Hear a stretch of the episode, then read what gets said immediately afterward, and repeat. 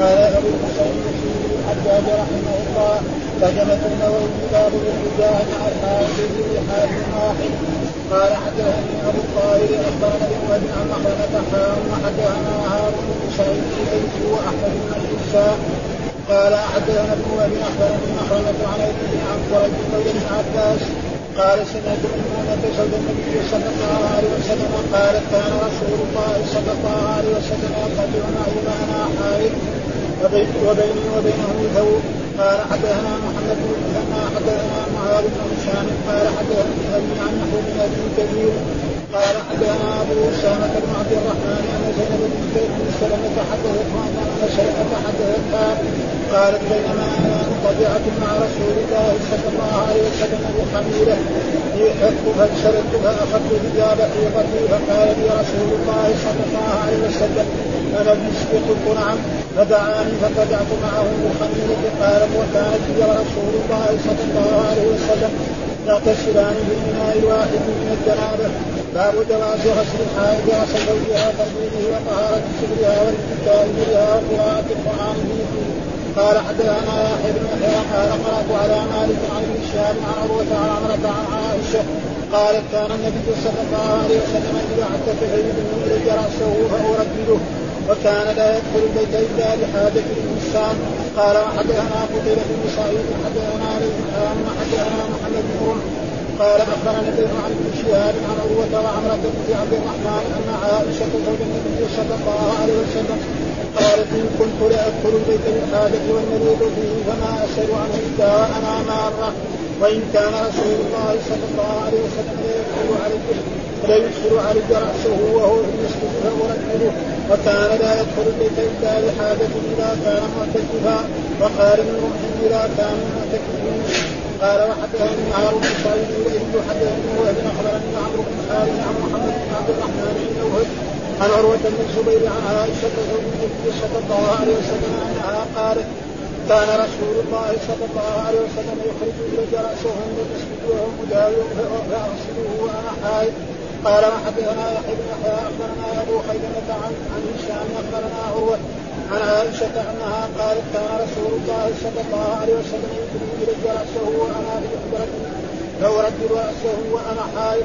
قال حدثنا أبو بكر بن أبي شيبة حدثنا حسين بن عبد عن زائدة عن منصور عن إبراهيم عن الأسود عن عائشة. قالت كنت اغسل رأس رسول الله صلى الله عليه وسلم وأنا حائض. قال وحدثنا يحيى بن يحيى ابو بكر بن أبي شيبة وابو قريب قال يحيى أخبرنا وقال الاخران حدثنا أبو معاويه عن الاحمس عن خالد بن عبيد عن القاسم بن محمد عن عائشة قالت قال لرسول الله صلى الله عليه وسلم ناولني خمرة. ناولني خمرة من المسجد قالت فقلت اني حائض فقالت إن حيضتك ليست بيدك قال حدثنا ابو قريب حدثنا ابن ابي زايدة عن حجاج بن ابي والدة عن ثابت بن عبيد عن القاسم بن محمد عن عائشة قالت امرني رسول الله صلى الله عليه وسلم ان اناوله حمرة من المسجد فقلت اني حائض فقال تناوليها فان فان الحيضة ليست بيده قال وحدثني زهير بن حرب ابو ثاني بن محمد بن حاتم كتب عن يحيى بن سعيد قال زهير حدثنا عن يزيد بن كيسان عن ابي حاتم عن ابي هريره قال بينما رسول الله صلى الله عليه وسلم في المسجد فقال يا عائشة ناولني الثوب فقال إني حائض فقال إن حيضتك ليست في يدك لنا ولد قال حدثنا أبو بكر أبي شيبة وزهير بن قال حدثنا وكيع عن يسعد بن سفيان عن المكان بن شريح. عن أبيه عن عائشة قال كنت أشرب وأنا حائض من النبي صلى الله عليه وسلم فيضعها على موضعه. فيشرب واتعرق العرق أنا حائض ثم اناوله النبي صلى الله عليه وسلم فيضعها على موضعه ولم يذكر فيشرب قال يحيى بن يحيى أخبرنا داوود بن عبد الرحمن بن عن منصور عن عن عائشة أنها قالت كان رسول الله صلى الله عليه وسلم يتكئ في حجري وأنا حائض فيقرأ القرآن. قال وحدثني زهير بن حرب حدثنا عبد الرحمن بن مهدي حدثنا حماد بن سلمة. قال حدثنا ثابت عن أنس أن اليهود كانوا إذا حاضت امراه لم يؤكلوها ولم يجامعوهن في البيوت فسأل اصحاب النبي صلى الله عليه وسلم النبي صلى الله عليه وسلم انزل الله تعالى ويسألونك عن المحيض قل هو اذى فاعتزلوا النساء في إلى آخر الايه فقال رسول الله صلى الله عليه وسلم اصنعوا كل شيء عند النكاح فبلغ ذلك اليهود فقالوا ما يريد هذا الرجل أن يدعني من امرنا شيئا قال فما فيه. فجاء سيد بن حضير بن عباد المسلم فقال يا رسول الله إن اليهود تقول كذا وكذا فلا ولا ندامعهن فتغير وجه رسول الله صلى الله عليه وسلم حتى رأينا أن قد وجد عليهما فخرج فاستقبلهما فاستقبلهما هدة من هدة من اللبن إلى النبي صلى الله هدة من اللبن إلى النبي صلى الله عليه وسلم ارسل في اثارهما فسقاهما فعرفا ان لم عرفا ان لم يجد عليهما الحمد لله رب العالمين والصلاة والسلام على سيدنا ونبينا محمد وعلى آله وصحبه وسلم أجمعين.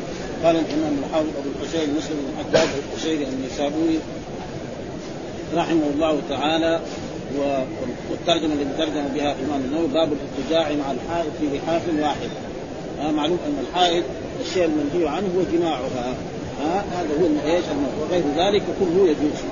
فالاتجاع ينام الرجل مع زوجته وهي حائط فلا بأس بذلك وأن ذلك جائز وليس فيه أي شيء. إنما يخشى مثلا تكون هي بعيده عنه أو يكون فاصل بينهم أن لا دم الحيض يلوث ثياب إيه الرجل النائم معه. فهذا فيه ضرر. وإلا هو لا شيء في إيه في إنه كون يتجه إنما ممنوع أن يجامعها وإذا أراد أن يستمتع بها يستمتع بها ما فوق السره بين السرة والركبة فإن ذلك جائز ليس فيه أي إيه شيء. وإيش الدليل على ذلك؟ قال هذا الحديث الذي آه، حدثته ميمونة زوج النبي صلى الله عليه وسلم. قال حدثنا أبو الطاهر أخبرنا عبد الوهاب عن مخرمه آه، حول الإسناد. وقال حدثنا هارون بن سعيد الأيلي وأحمد بن عيسى. قال حدثنا ابن وهب قال أخبرني مخرمه عن ابي عن كريب مولى بن عباس. قال سمعت ميمونة زوج النبي صلى الله عليه وسلم وميمونة قالت لعبد الله بن عباس قالت كان رسول الله صلى الله عليه وسلم يضطجع معي وأنا حائض وبيني وبينه ثوب. يعني فاصل. ها؟ عشان لا يتلوث ثياب رسول الله صلى الله عليه وسلم بالدم ودم الحيض نجس. فيجب غسله. ذلك فلا بأس للرجل أن ينام مع زوجته وهي حائض وله أن لا لا يأتي دم الحيض في ثيابه وفي فإذا أتى غسلها غسله. غسله وطهر. ليس ممنوع والحديث الثاني كذلك مثله من ذلك نجاسة دم الحيض وأن للرجل أن ينام مع زوجته في لحاف واحد. بل يحتل بس ان الزوج لا يصيبه أيضا الحيض فيتنجس ثيابه أو ما الحديث الثاني قال حدثنا محمد بن مسلمى حدثنا معاذ بن هشام حدثني أبي عن يحيى بن أبي كثير حدثنا أبو سلمة بن عبد الرحمن أن زينب بنت أم سلمة وحدثته أن أم سلمة وهي أم آه، آه، زينب بنت أم سلمة لانها لأنها تربت في بيت رسول الله صلى الله عليه وسلم هي وأخيها عمرو بن أبي سلمة. قال بينما أنا مضطجعه مع رسول الله صلى الله عليه وسلم في الخميلة. والخميلة معناها ثوب يعني هي الخفيفه ها؟ الخميلة بكسر قال هي في اللغة الخميلة والخميلة بحذف الهاء وهي القطيفه يعني مثل ما يشبه البطانيه أو ما يشبه يعني الرداء الذي للحج والرداء في ثوب له خمل والثوب الذي له خمل معناه يكون هكذا ويكون في اطرافه كده خيوط. هذا إيه؟ الخمل الثوب زي زي, زي المناشف حقت الإحرام. إنها تكون كده ويكون فيها يعني خيوط من إيه؟ من تحت. ليست ليست إذ حفت إذ أصابها الحيض فانسللت. يعني جرت نفسها كده يعني بخفية. عن رسول الله صلى الله عليه وسلم لئلا يعني تلوث ثيابه ولا ويكون اوتيرات فانسللت فأخذت ثيابي. أخذت ثيابي حيضتي. يعني أخذت ثياب اللي كانت حاضت فيه لئلا تتلوث ثياب رسول الله صلى الله عليه وسلم. فقال لي رسول الله صلى الله عليه وسلم أنا فستي ها والهمزه الاستفهام يعني احدت النفاس يكون إذا كان بكسر النون بمعنى الحيض. وإذا كان بضم النون وهو النفاس الذي هو خروج المولود من بطن المرأة التي هي حامل. هذا مع فرق بين إيه نفستي قلت قلت نعم فدعاني فاتجعت معه في الخميلة. فهذا دليل. وكانت هي ورسول الله صلى الله عليه وسلم يغتسلان في الإناء الواحد من الجنابة. يعني جائز للرجل أن يغتسل مع زوجته في الجنابة. وجاء في حديث عن رسول الله عن عائشة رضي الله تعالى عنها كنت أغتسل أنا ورسول الله صلى الله عليه وسلم من إناء واحد نختلف منهما جميعا. حتى في الآخر تقول إيه فأقول له اقتلني وهو يقول اقتليني وما رأى مني ولا رايت منه كذا في الحديث بهذا النص ما رأى مني يعني ما رأى مني العورة ولا رايت منه عورة. كل واحد جالس يغتسل ويأخذ من الماء ويغتسل لأنه حاجته الذي يريدها من من المرأة اخذها جامع. خلاص ما عنده يعني حاجة. لا ذاك ما رأى مني ولا وفي اللغة العربية يقول هذا من حذف يعني المفعول. يعني أصل ما رأى مني عورتي ولا رايت منه عورته. فجائز لأن الرجل يغتسل مع زوجته لكن يغتسل مع غير زوجته من المحارم لا. ها ما يغتسل مع أمي نعم ولا يغتسل مع جدتي ولا يغتسل مع عمتي ولا مع خالتي ولا هذول ابدا. ها محارم هذول ولكن ما قبل الاجانب فيقول يغتسلان الاناء الواحد من الجنابة. وهذا ليس فيه شيء جائز.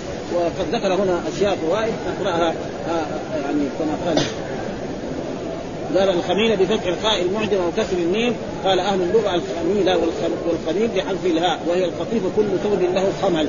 ها يعني من أي شيء كذا يكون زي زي الفوطة الذي للإحرام من أي شيء كان وقيل هي الأسود من الثياب. وقوله سللت أي ذهبت في خفية.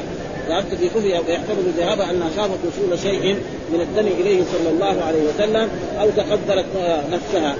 لأن دم الحيض يعني فيه إيه فيه وفيه ها أو ألم ترى تربصها لمضاجعة أو لم ترى تربصها لمضاجعته صلى الله عليه وسلم وخافت أن يطلب الاستمتاع بها وهي على هذه الحال التي لا يمكن فيها الاستمتاع. قد الرسول ما يجعلنا ان حيض الآن تقول له قولها فاخذت ثيابي حيضتي بكسر الحائض وهي حالة الحيض أي أخذت ثياب المعدة لزمن الحيض هذا هو الصحيح المشهور المعروف بضبط حيضتي بكسر الحائض فإن فإن الحيض بالفتح بالفتح هي الحيض كما قول أنا فسقي هو بفتح النور وكسر الفاء وهذا هو المعروف في الرواية وهو الصحيح المشهور في اللغة أن فسق بفتح آه، فسق بفتح النور وكسر الفاء معناه حاضر. أنا فسق وأما الولادة فيقال نفست بضم النور وكسر النور.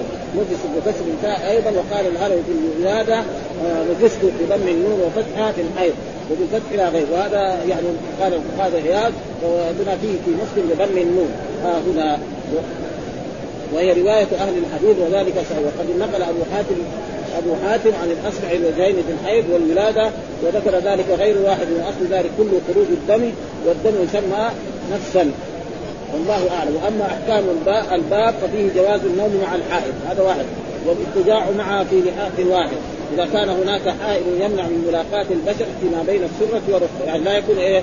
يعني الملك كلهم. في الذهاب لأنه هذا يؤدي بعد ذلك إلى الجماع وإلى الاتصال الجنسي وهذا تقريبا ممنوع فإذا كانت المرأة لابسة ثيابها والرجل لابس ثيابها فلا بأس أن ينام مع زوجته وهي حائض وأما يكون ليس عليهم ثياب مرة فهذا تقريبا فيه يكون بشرة الرجل. بشره المرأة فهذا فيه خطوره وكذلك ويمنع السرة والركبة أو يمنع الفرج وحده ولا يحرم إلا الفرج قال العلماء لا تكره مضاجعه الحائض ولا قبلتها ولا الاستمتاع بها فيما فوق السرة وتحت فلو قبل زوجته وهي حائض يعني واستمتع بها وباشرها ما فوق السر بين السرة والركبة فإن ذلك جائز ليس فيه أي شيء. ولا يكره وضع يدها في شيء من المائعات. ها؟ مائعات يعني تجيب مويه تشرب أو عسل أو غير ذلك أو شاي أو حليب ولا يكره غسل رأس زوجها ها؟ وهي تغسل رأس زوجها وهي حائض ليس فيه ويأتي بالأحاديث التي في ذلك ها؟ وغيرها من محارمها وترجيله ولا يكره طبخها وعجنها لا يكره طبخها وعجنها كذلك جائز وغير ذلك من الصنائع وسؤرها. سؤرها يعني ما تأكل ما تشربه ويبقى شيء. هذا السؤر ها؟ شعر الفأر وشعر الانسان يشرب أو يأكل ويبقى إيه؟ البقيه هذا يسمى شعر مثلا المرأة شعر محمد أو شعر خالد. وكذلك عرقها طاهر. نعم وكل هذا متفق عليه وقد نقل الإمام أبو جعفر محمد بن جرير في كتابه في مذاهب العلماء إجماع المسلمين على هذا كله ودلائله من السنة ظاهرة. ها وسيأتي الأحاديث مثل هذه تدل على إيه؟ هذا المعنى. فالمرأة الحائض له بس الممنوع منها أن يجامعها في الفرد. أو ما بين السرة والركبه وغير ذلك له أن يستمتع بها فإن قبلها. نعم. قبلها أو أكل معها. خلافا لليهود فإن اليهود كانوا إذا حالت المرأة لا يجامعوها في مكان يصير لها غرفة لحالها حتى تطلب من اليهود ها؟ وهذا والقرآن قال يسألونك عن المحيط قل هو أذى فاعتزلوا النساء في المحيط ولا تقربوهن حتى يطهرن حتى ينتهي. فإذا تطهرن فإذا اغتسلن. ها؟ أو ما ما في ما تستطيع تتصل أو ما في ماء تتيمم. فإذا فعلت ذلك جاز لزوجها أن يتصل بها وأن يجامعها. المراد اعتزال وقتهن ولا تقربوا وقتهن والله أعلم. ثم ذكر ترجمة أخرى باب جواز غسل الحائض رأس زوجها وترجيله وطهارة سؤرها يعني باب يجوز إيه؟ أن المرأة الحائض تغسل غسل الحائض رأس زوجها. غسل هذا مصدر والحائض آه، مصدر أضيف إلى فاعله ورأس هذا هو المفعول. المصدر يعمل عمل الفعل. ها؟ فجواز غسل الحائض رأس زوجها وترجيله. وترجيل رأس زوجها وطهارة شؤرها كذلك آه، غسل آه، وطهارة شؤرها ان شؤرها ما يبقى تشرب ماء أو شاهي أو أي شيء ويبقى هذا. أو تأكل لحم ويبقى على على اللحم مثلا في أشياء باقية فهي تاخذ هذا وتأكله. فإن أحاديث ذكرها إيش؟ في هذا الباب وأن ذلك جائز وليس فيه أي شيء. ها خلافا لليهود انهم كانوا لا يآكلون الحائض ولا يشاربونها ولا يجامعوها في المكان. بل هي إذا كانت حائض تدخل في مكان لحالها لا يجلس معها زوجها ولا يجلس معها غيرها حتى تطهر وهذا مخالف لهدي رسول الله صلى الله عليه وسلم وأما الشيء الذي جاء رسول الله صلى الله عليه وسلم أن للرجل أن يجالس زوجته حائض ويأكل معها ويشرب معها وله أن يغازلها مثلا يقبل يقبلها أو ما في شيء. إيش الدليل؟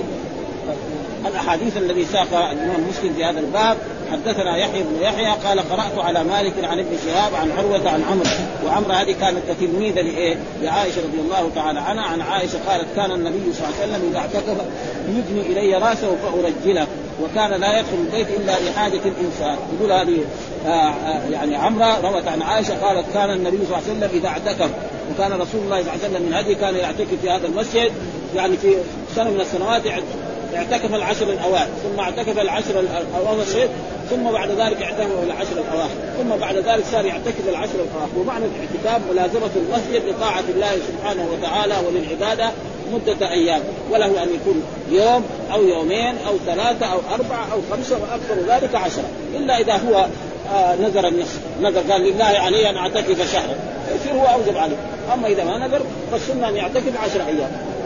عشر أيام ان كان الرسول كان يعتكفها آه، إذا اعتكف ثم وكان اعتكافه يبني إليه رأسه يعني يكون هناك في نافذة أو قوة يدخل الرسول رأسه وعائشة تكون في بيتها. نعم ترجل راس رسول الله صلى الله عليه وسلم. أما ذلك لا شيء فيه.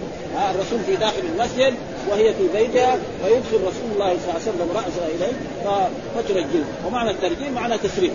تأخذ يكون عندها مشي نعم وتسرح رحم رسول الله صلى الله عليه وسلم ثم يدخل رأسه إلى المسجد ويدخل وكان لا يدخل البيت إلا لحاجة الإنسان.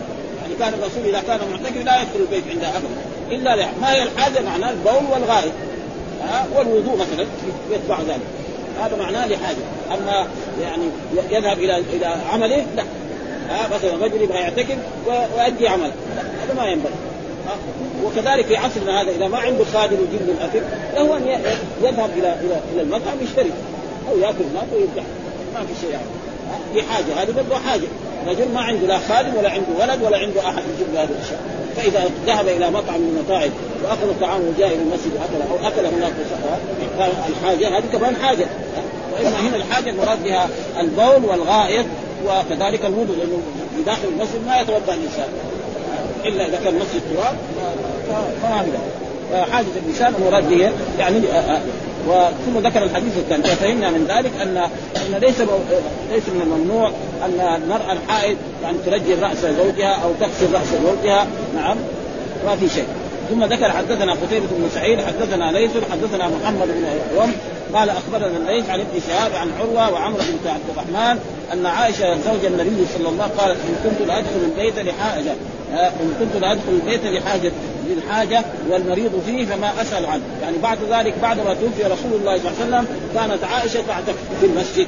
ها تعتكف. ولكن هي قالت إن كنت وهذه إن مخففه من التقييد يسمى في اللغة العربية. إن اصل كانت إن ها فخففت صارت إن. ودائما إن المكسوره الهمزة إذا خففت يعني تهمل. وفي الغالب لا تدخل إلا على فعل ناسخ تدخل على كان وأخواتها وظن وأخواتها وكاد وأخواتها. إن كنت. عشان نعرف عشان يميز طلبة العلم بين إن النافية وإن المخفف من الثقيلة وإن الشرطية. لأنه في كده. عندنا إن الشرطية. ها؟ لا يعني مثلا أحد من المشركين استجاب ها فاجر هذه شرطية. تدخل على الماضي وكذلك تيجي النافية. إلى غير ذلك فلذلك إن كنت يعني عن نفسها تقول يعني إن اصل كان كنت يعني كانت عائشة رضي الله عنها أدخل البيت للحاجه يعني تدخل بيتها للحاجه وهو إيه؟ البول والغائط والمريض فيه. يكون في مريض من أقاربها يقول فما أسأل عن فما أسأل عنه إلا وأنا مارة. يعني ما لأنه ممنوع يعني المعتكف أن يزور إيه؟ المريض. ما يزور المريض. ولا يتبع الجنازة. أحكام شرعية تأتي في باب إيه؟ الاعتكاف. ها؟ يعني الإنسان إذا اعتكف ليس له أن يجاد جنازة يروح معها المسجد ها؟ له ان يصلي عليها. ها؟ يصلي عليها. هذا ليس فيه شيء. لكن كون يدفعها إلى إلى المقبرة ويدفنها أو يذهب إلى العزاء لا. هذا ولذلك هي تقول إن كنت لأدخل البيت للحاجة. هذه الحاجة هو إيه؟ يعني في الغالب انه البول والغائط ها وكذلك لو كان تأخذ طعامه وترجع والمريض فما أسأل عنه إلا وأنا مار. وكان رسول الله صلى الله عليه وسلم لا يدخل علي رأسه. آه كان الرسول يعني لما اعتكف يطلع وهو في المسجد فأرجله. يعني يسرح آه شعر رأس رسول الله صلى الله عليه وسلم وكان لا يدخل البيت إلا لحاجة إذا كان معتكفا. وأما إذا لم يكن معتكفا فإنه إذا انتهى من الصلاة دخل إلى إلى بيته سواء كان بيتها هي أو بيت غيرها لأن الرسول عنده تسع زوجات. ها وكل واحدة لها إيه؟ يوم وليلة. ولذلك كان يقول هذا آه يعني اسمي فيما أملك فلا تلمني فيما تملك ولا ولا بد أن يقسو بين أجل ثم يعني أكثر العلماء يقول أن القسم على رسول الله صلى الله عليه وسلم ليس بواجب إنما هو كان يفعل هذا. فقال ابن ربع إذا كانوا معتكفين يعني كانوا يعني عائشة وغيره من الصحابة والتابعين كانوا يعني كل الأحكام الشرعية لا فرق بين فعل رسول الله صلى الله عليه وسلم أو غيره. ومعنى الاعتكاف هو الحبس. وقال آه كان رسول الله إذا اعتكف يدني إلي رأسه فارجله وكان لا يدخل البيت إلا لحاجة الإنسان وفي رواية فاغسله وفي حديث مناولة الخمره الخمره الخمرة وغيره وقد تقدم مقصود فقه هذا الباب في الذي قبله وترجيل الشعر تسريحه وهو نحو قولها فاغسلوا وأصل الاعتكاف في اللغة الحبس وهو الشرع حبس النفس. ها؟ لكن إيش حبس النفس؟ في المسجد لطاعة الله سبحانه وتعالى مده مخصوصه وهل يشترط في الاعتكاف يعني الصيام؟ ها؟ بعض العلماء يرى إنه يشترط زي المالكية. لازم يقول إيه؟ لازم يكون شهر غيرهم يقول لا ما في دليل لأنه ثبت في حديث عن رسول الله صلى الله عليه وسلم أن عمر بن الخطاب قال يا رسول الله إني نذرت أن أعتكف ليلة في المسجد الحرام. فقال له الرسول اوفي بنذرك. ومعلوم الليل ما هو وقت صيام. ها؟ والاعتكاف السنة عشر أيام. فإذا هو قال شهر كيف ها؟ ها؟ وإذا أراد يعتكف واحد يوم له ذلك. ولذلك شوف الحنفيه كاتبين على الابواب هذا يقول يعني لو دخل المسجد يصلي المغرب وقال نويت الاعتكاف عندهم جائز مذهب ها؟ بعد ذلك يصلي المغرب يصير اعتكافه نص ساعة ولا ربع ساعة. ها؟ ولكن وفي أنه إذا خرج بعضه من المسجد كيده ورجله ورأسه لم يبطل اعتكافه وأن من حلف أن لا يدخل دارا أو لا يخرج منها فأدخل أو خرج بعضه لا يحدث واحد قال أنا لا أدخل دار وجاء مثلا جاب لهم هدية أو جاب لهم كتاب وحطوا في يعني سلم لهم من النافذة. أو فتح الباب ورماه عند الباب. فلا يحدث هذا كلام شديد. وفي جواز استخدام الزوجة في الغسل والطبخ والخبز والخبز وغيرها برضاها. يعني الزوجة أصلا تزوجها الإنسان لشيئين الشيء الأول الاستمتاع بها الشيء الثاني الشيء أن تمكث في بيت أصل الزواج لكن صار اصطلاح اصطلاح إيه؟ يعني الناس. الرجل إذا تزوج المرأة تخدمه تغسل ثيابه وتقوم بخدمته وتفعل مرة ها؟ وإلا أصل الزواج إذا تزوج المرأة الشيء الذي يجب عليها على المرأة أنها إذا أراد للاستمتاع تقول مرحبا ها؟ وأن تجلس في بيتها ما تخرج إلى هذا أصل. ولكن صار اصطلاح أن المرأة إذا تزوجها الانسان تغسل ثياب زوجها تغسل ثياب أولادها وتطبخ. وإذا كانت هي من الناس عادة يجيب لها خادم ولا يجيب لها كما هو الآن في عصرنا هذا. ها؟ النساء اللي كانوا يخدمنا في القديم الان لا يخدمنا شيئا. ابدا. ها؟ قال والطبخ والخبز وغيرها برضاها وعلى وعلى هذا تظاهرت دلائل السنة وعمل السلف وإجماع الأمة. وأما بغير رضاه فلا يجوز لأن الواجب عليها تمكين الزوج من نفسها وملازمة بيته. هذا الحق الواجب على المرأة إذا تزوجها والله أعلم. وقوله قال لي رسول الله صلى الله عليه وسلم ناوليني الخمرة من المسجد. فقلت إني فقال إن حيضتك ليست في يدك. ها الخمرة إيش معناه كناية عن سجاده صغيرة أو يعني قطعه من القماش يجلس عليه هذا معنى الخمرة. يعني قطعه سجاده ثم يجلس عليها ليسجد أو يضعها في مثلا أمامه لاجل يسجد عليها إذا كان مثلا هناك حرارة أو غيره. هذا معنى الخمر وقال الخطابي هي السجادة يسجد عليها المصلي. وقد جاء في سنن أبي داود عن ابن عباس قال جاءت فأرة فأخذت آه، آه، تجر الفتيلة فجاءت بها فألقتها بين يدي رسول الله صلى الله عليه وسلم على الحمرة التي كان قاعدا عليها. فأحرقت منها مثل موضع درهم. ولأجل ذلك الرسول سماها الفاسق. سمى الفأرة الفاسق يعني تحرق البيت وتعمل أشياء ضرورة وتعمل أشياء لا فائدة فيها يعني. ها مثلا يعني الكتب ما هي ما توصل فأرة تدخل في مكتب من المكاتب. نعم تأكل الكتب كلها وتقرب هي كلها على اخره ورأيناها كذلك حتى ثياب الأطفال. يعني رأينا حتى ثياب الأطفال الذي يشرب الحليب. ترميها الأم في مكان يجي الفأرة فتاكل هذه ثياب الأطفال فهي يعني صدق رسول الله صلى الله عليه وسلم أن سماها يعني الفاسقة. وقال في القرآن وفسق عن أمر ربه. وسماها الفاسقة. وهي يعني تفسد فسادا عظيما جدا. وفي بعض البلاد يعني الفار يجي قد كده لأنه فجرب جميلا فاعلا عليها فاحرقت مثل الموت فهذا تصريح باطلاق الخمره على ما زاد على قدر الوجه وسميت خمره لأنها تخمر آه، الوجه أي تغطيه. وأصل التخمير التغطية ومنه خمار المرأة. خمار المرأة ما تضعه على رأسها. مثل قال كل الناس يقولون ويحطوا ولا يبدون زينتهن إلا ما ظهر منه ويضربن بخمرهن على جيوبهن. خمرهن تضع على رأسها على جيوبهن. والجيب هو هذا؟ ها؟ يعني مدخل الرأس من الثوب. هذا معنى يعني يعني الجيب إيش هو؟ الجيب مو واحد ما يحط الفلوس. ها؟ يعني الجيب معناه يعني تغطي راسها وهذا. يعني مدخل آه، آه، الراس من من الثوب، الإنسان إذا كان لابس ثوب لابد يدخل لازم يفك هذه الاسارير حتى يدخل. هذا معنى الجيب، والجيب هذا الثاني هذا يمكن نقص عنه أو الآن نجي يسموه مصباح يعني هذه اللغة العربية على كل حال يعني الخم ما, ما تغطي به المرأة يعني المرأة والخم لأنها تغطي والخمر كذلك يسمى ذلك. الخمر كذلك يسمى لأنه يغطي إيه؟ يغطي العقل. فإذا الخمره هي ما يغطي ما تغطي المرأة هي رأسها وإنها هكذا وكذلك الخمر يسمى يعني خمرا لأنه يغطي العصر وقولها في المسجد قال القاضي عياض رحمه الله النبي صلى الله عليه وسلم قال لها ذلك من المسجد اي وهو في المسجد لتناولها إياه من خارج المسجد لأن النبي صلى الله عليه وسلم أمرها أن تخرجها له من المسجد. لأنه صلى الله عليه وسلم كان في المسجد معتكفا وكانت عائشة في حجرتها وهي حائض وقوله صلى الله عليه وسلم إن حلقتك لست ليست في يدك فانما فانما خافت من إدخال يدها في المسجد ولو كان أمرها بدخول المسجد لم يكن ها لم يكن من تخصيص اليد معنى يعني هي ممنوع أن تدخل المسجد. يعني وكذلك المرأة لو فرضت أنها اعتكفت وجاءها الحيض تخرج ها تروح بيتها ولما تدخل من الحيض ترجع إلى المسجد. يعني ما تمكث في المسجد وهي حائض. وممنوع ان أن الرسول منع إيه النساء من دخول إيه المسجد. إذا كانت المرأة حائض وجاء في احاديث لا أحل يعني المسجد لجنب ولا لحائض في هذا النص. قال ان حيض ليست في يدك وهو بفتح الحاء هذا هو المشهور وفي روايه وقال الإمام أبو سليمان الخطابي المحدثون يقولونها بفتح الحاء وهي خطأ وصوابها بالكسر حيضة يعني ها؟ والصحيح لا حيضتك يعني بفتح الحاء.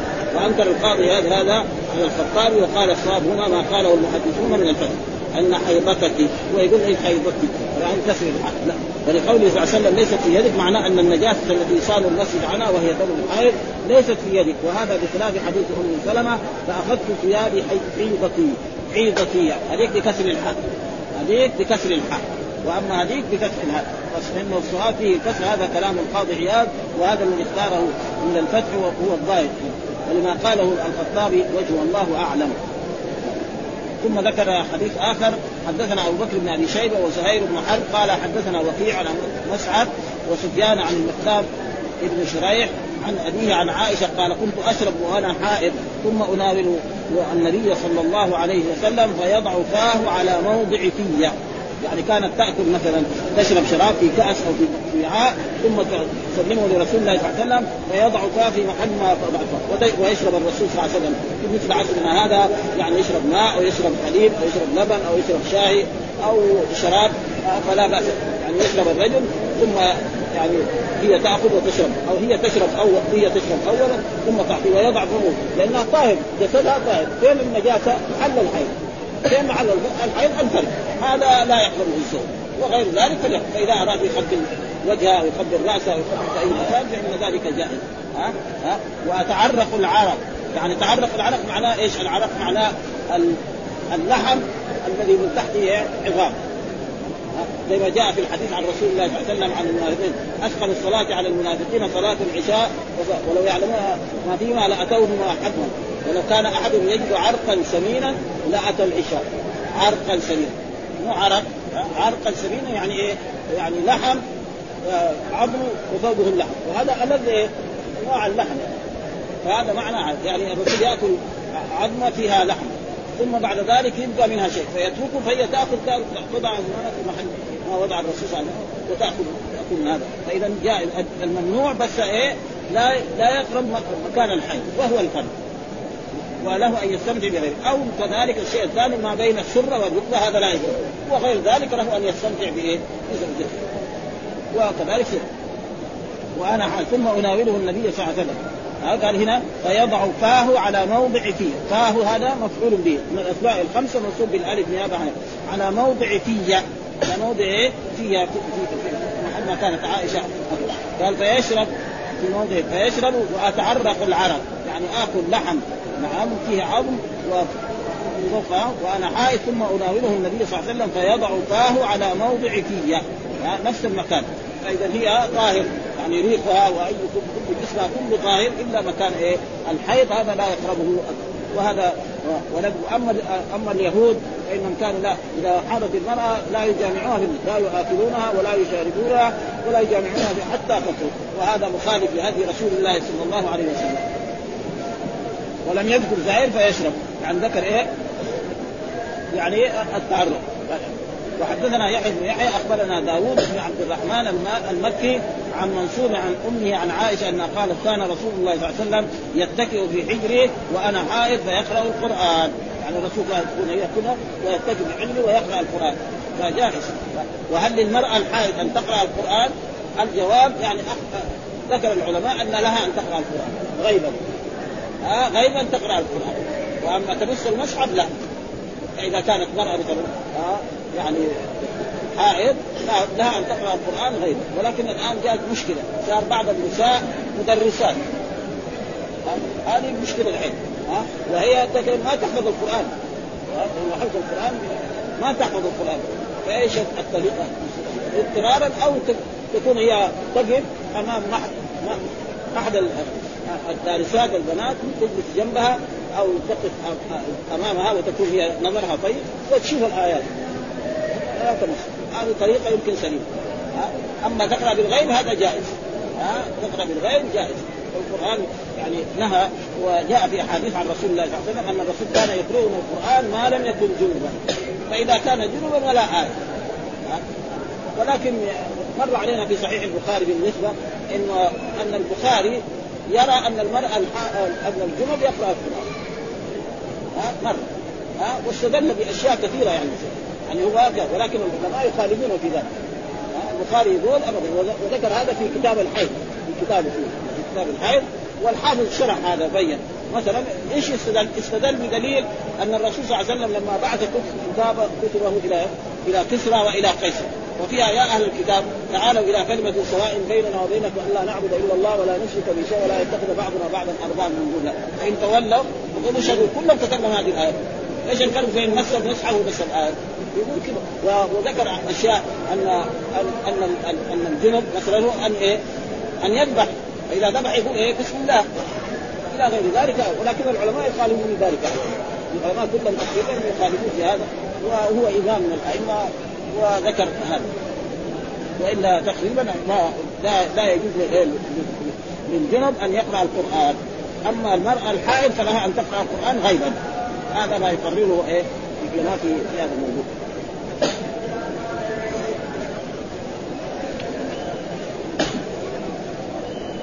قال بعيد وأنا حائر فيقرأ القرآن. ها لأن ها وحدثنا زهير بن حرب حدثنا عبد الرحمن بن مهدي حدثنا حماد بن سلمة حدثنا ثابت عن أنس أن اليهود ها؟ يعني كان إذا حاضت المرأة فيهم لم يآكلوها ولم يجامعوهن آه لم يجامعوهن في البيوت فسأل أصحاب النبي صلى الله عليه وسلم النبي صلى الله فانزل الله تعالى ويسألونك عن المحيض قل هو اذن فاعتزلوا النساء في المحيض ولا تقربوهن حتى يطهرن فإذا تطهرن فأتوهن من حيث أمركم الله آه فقال اصنعوا كل شيء وهذا معنى يسألونك عن المحيض يعني عن عن الحيض. قل هو أذن الحيض في مكان فاعتزلوا النساء في المحيض يعني مكان الحيض فين مكان الحيض؟ في الفرد. هذا لا تقربوا اي الرجل. ها إلى اخر وقال يسالونك قل هو أذن فاعتزلوا ولا تقربوهن. نهي من الرب سبحانه وتعالى أن يقرب الرجل الحائض حتى يطهرن حتى إيه؟ ينتهي الحيض. حتى ينتهي يعني وتطهر من الحيض. فإذا تطهرن فإذا اغتسلن. ثانية تطهرن الأخيرة بمعنى اغتسلن. فإذا ها فأتوهن من حيث أمركم الله. ها؟ يعني له أن يجامع زوجته من حيث أمركم الله وهو في الفرد إن الله يحب التوابين ويحب المتطهرين. ثم بعد ذلك قال نساءكم حرث لكم.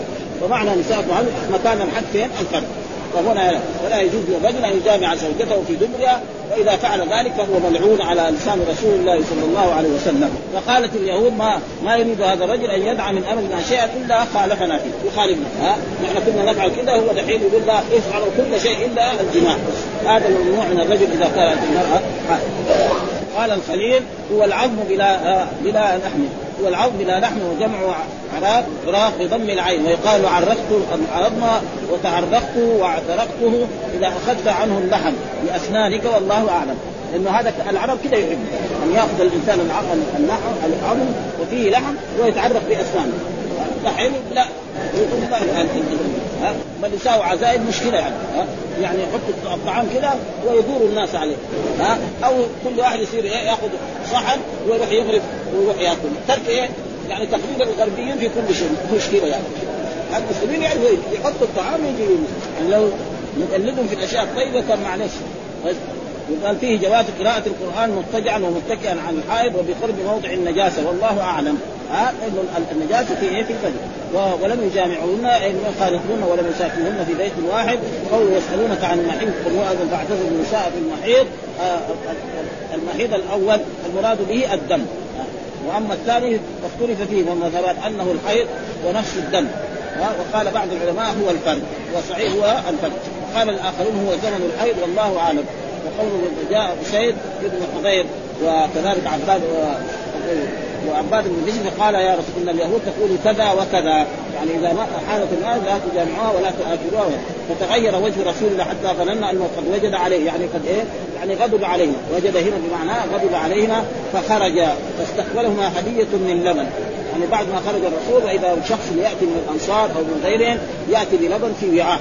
فلما هذا نادى الرسول يعني أسيد بن حضير وعباد بن يزر فامرنا بالشرب فعلم أن الرسول لم إيه؟ لم يغضب عنه، والرسول لا يغضب ابدا مثل هذه الأشياء، لا يغضب فيه، وهذه يعني اخبروا أنها لا يفعلون هكذا، هدية من لون النبي صلى الله عليه وسلم فأرسل باثارهما فسقاهما فعرف أن لم يجد عليهما أي لم يغضب عنهما. ثم ذكر باب المدي، المدي هو ماء رقيق يخرج عند ملاعبة الرجل زوجته أو يفكر في أمر النساء. ولا يلزم منه إيه؟ وأمر الرسول صلى الله عليه وسلم بأن يغسل الإنسان ذكره ويغسل إيه؟ و و ويتوضأ. يعني إيه من النجاسات ليش ذكر باب المني؟ لأن المني نجس. والمني طاهر. على قول أكثر من العلماء. المني طاهر والمدي إيه؟ نجس. المدي والبول والودي هذا تقريبا نجس. وأما المني فصح الأقوال أنه طاهر. وقد يبين ذلك انه أن عائشة وكنت افركه من ثوب رسول الله صلى الله عليه وسلم فركا فيصلي. والمد ماء أبيض رفيع لذج يخرج عند الشهوة. آه عندما يفكر الرجل الشاب في أمر النساء أو يلاعب زوجته أو أمته فيخرج هذا المدي. المني لا ما ما إيه يخرج بقوة وبدفع. وفي فرق بين هذا وهذا. فالمدي والدليل على ذلك ما حصل لعلي بن أبي طالب يقول قال كنت رجلا مداء فاستحييت أن أسر رسول الله صلى الله عليه وسلم لمكان يعني هذا المدي يخرج بسبب انه يلاعب فاطمة بنت رسول الله صلى الله عليه وسلم ويمازحها ويقبلها فيخرج منها. فكونه يسأل رسول الله صلى الله عليه وسلم يعني هذا عيب. الرجل دائما يعني سهره يحترم ما يقول له هذه الأشياء. ابدا ها؟ يعني يمكن اصدقاء يقول لهم لكن سهره يمكن يقول لامير يقول له أنا كذا أفعل مع زوجتي كذا لكن بصير الذي هو يعني أبو زوجته يعني حتى اليوم. الناس يستحوا من هذا. ما يمكن يقول إيه أبو زوجتي آه ان كذا أفعل كذا وهذا فهذا لا يمكن فلذلك يعني آه علي بن أبي طالب أمر المحتاج أن يسأل رسول الله صلى الله عليه وسلم فسأله فأخبره قال يغسل ذكره ويتوضأ. يعني معناه إنه من نواقض الوضوء فإذا أراد يصلي لازم يغسل ذكره أول ثم يتوضأ. ويغسل الحسين. آه هذا هذا معنى. والدليل كله عشان يثبت أن المذي نجس. يعني إيش الأحاديث هذه اللي ناخذ منها إثبات نجاسة المذي إن المذي نجس. وهذا يقول أنه كذلك يوجد المذي في الرجال وفي النساء. كما أن المذي يوجد في الرجال وفي النساء كذلك. ها؟ وهذا يقول أن المذي في النساء أكثر. يقول لا إيش الدليل؟ قال حدثنا أبو بكر بن أبي شيبة حدثنا وكيع وأبو معاوية وهشيم عن الأعمش عن منذر ابن يعلى ويكنى أبو يعلى عن ابن الحنفية عن علي. هذا حديث. قال كنت رجلا مذاء يعني كثير مذاء من بالغ شراب ضراب وكنت أستحي أن أسأل النبي صلى الله عليه وسلم بمكان ابنته لأن هذا المذي بايه بيخرج بسبب إيه؟ بسبب فات يمازح فاطمة نعم ويغازلها أو يقبلها فيخرج المذي قال فاستحييت أن أسأل رسول بمكان ابنته فأمرت المقداد أن يسأل. ها ابن الأسود فساله فقال يغسل ذكره ويتوضأ. يعني الذي يحمل المذي لازم يغسل ذكره لأنه فيه نجاسة ويتوضأ إذا أراد الصلاة. أما إذا ما أراد الصلاة زي ما يا الذين آمنوا إذا قمتم إذا أردتم القيام إلى الصلاة فاغسلوا وجوهكم وأيديكم إلى المرافق. فإذا أراد يصلي لازم إيه؟ يتوضأ هو. حدثنا يحيى بن حذير حدثنا عن حارث حدثنا الحارث حدثنا خالد يعني من الحارث حدثنا شعبة أخبرني سليمان قال سمعت منذرا عن محمد بن علي عن علي أنه قال استحييت أن أسأل رسول النبي صلى الله عليه وسلم عن المدي من أجل فاطمة فأمرت المقداد فسأله فقال منه الوضوء؟ ها يجب إيه؟ الوضوء. والوضوء ما يجب إلا بإيه؟ بالانتقاد لا ينقض الوضوء. ثم قال حدثنا هارون بن سعيد الأيلي وأحمد بن عيسى قال حدثنا النواب أخبرني مكرمة ابن أبي بكير عن أبيه عن سليمان بن يسار عن ابن عباس.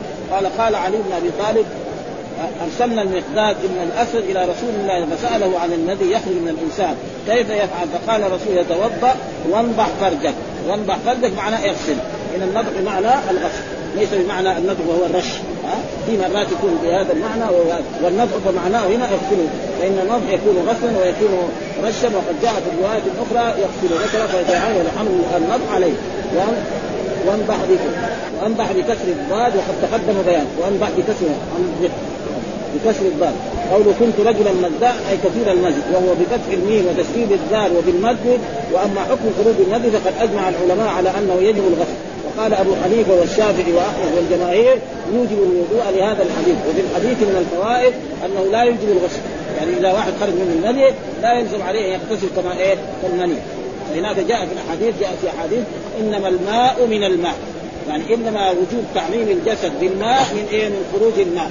فالماء هنا معناه المني.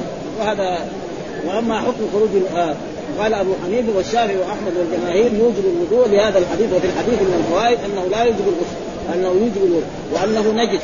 ولهذا أوجب صلى الله عليه وسلم غسل الذكر والمراد به عند الشافعي والجماهير غسل ما أصابه الذي ولا غسل ولا غسل جميع الذكر وحكى عن مالك وأحمد في رواية عنهما ايجاب غسل جميع الذكر وفيه أن الاستنجاء بالحجر إنما يجوز الاقتصار عليه بالنجاسه المعتادة وهي البول والغائط. أما النادر كالدم والمدي وغيرهما فلا بد فيه من الماء. ها؟ والبول والغائط وهذا لابد الدم لابد غسله يعني الدم لا يمكن يدخل إلا بيد الماء المطلق. وهذا أصح القولين في مذهبه وللقائل الآخر بجواز الاتصال فيه على الحجر قياسا على المعتاد أما إذا ما وجد إذا ما وجد مثلا ماء وصار جاء جاء فيه المدي أو جاء فيه الدم هذا يعني يمكن. يستنجي بالماء ويحمله على الاستحباب وفيه جواز الاستنابة في الاستفتاء. يعني واحد ما يقدر يسأل العالم يرسل واحد يقول له يسال العالم عن المسألة لأنه يجوز الاعتماد على الخبر المضمون مع القدرة على المكتوب لأنه هذا يعني قد الأسود قد سأل وقد ما سأل. يعني يمكن صحيح. إذا أنت تقدر تسأل وانت تسال ولكن هذا دليل جائز ولذلك البخاري يقول في هذا الباب من أمر غيره أن يسأل. زي هذا التهمه من أمر غيره أن يسأل. ولما يجي يقول له قال العالم كذا أو قال الرسول كذا فيأخذ قوله هذا. كون يقتصر على قول المقداد مع تمكنه من سؤال لأنه هو يقدر يسأل الرسول صلى الله عليه وسلم علي بن ابي طالب إلا أن هذا قد ينازع فيه ويقال فلعل علي كان حاضرا مجلس رسول الله. يعني أمر المقداد أن يسأل وهو جالس حاضر. في المجلس الرسول لما قال سمعه بس هو ليه استحى من رسول الله صلى الله عليه وسلم أن يسأل لأن لأن بنت الرسول صلى الله عليه وسلم فاطمة هي التي وكانت هي وخروج المدي هذا بسببها هي لأنه هو كان يمسحها ويغسلها فلذلك كان أن يتمراعبة الزوجة وقلتها ونحو ذلك من أنواع الاستمتاع والله أعلم وفي الإسناد الأخير من الباب حدثني هارون بن سعيد الأيلي واحمد بن عيسى قال حدثنا ابن وهب قال أخبرني مخرمة بن بكير عن ابي عن أبي سليمان بن يسار عن ابن عباس قال قال علي بن أبي طالب أرسلنا المقداد هذا الإسناد من مستدركه الدار قطني قال وقال حماد بن خالد سألت مخرمة هل سمعت من ابيك؟ فقال لا وقد خالف خالفه الليث عن بكير فلم يذكر فيه ابن عباس وتابعه يعني يعني بعضهم لم يطعن في إيه؟ في هذا الحديث من جهة. من الأحاديث المنتقده على إيه؟ على مسلم في في صحيح. في هذه المذكرة وفي بعض عن الليث بن سعد عن بكير عن سليمان بن ارسل قال أرسل علي بن المقداد هكذا أتى مرسلا وقد اختلفوا في سماع مخرمة من أبيه. فقال مالك رضي الله تعالى عنه قلت لمخرمة ما حدثت به عن أبيك؟ ها سمعته من فحلف بالله لقد سمعته. خلاص. قال مالك وكان مخرم رجلا صالحا. وكذا قال معن بن عيسى أن مخرم سمع من أبيه وذهب جماعات إلى أنه لم يسمعه قال أحمد بن حنبل لم يسمع مخرمة من أبيه شيئا إنما يروي من كتاب أبيه. قال وهذا الكتاب من كمان إذا كان ابوه ثقة يكفي هذا. قال يحيى بن معين وابن أبي هيثمة يقال وقع إليه وقع إليه كتاب ابيه ولم يشفع وقال موسى بن سلمة قلت لمخرمه حدثك أبوك وقال لم أدرك أبي ولكن هذه كتبه. وقال أبو حاتم مخرمه صالح الحديث إن كان سمع من ابيه وقال علي بن المدينة ولا أظن. مخرم سمع من أبيه كتابا من أبيه كتاب سليمان بن يسار ولعله سمع شيئا يسير ولم أجد أحدا من المدينة يخبر عن مخرم أنه كان يقول في شيء من أبيه سمعت ابي والله أعلم.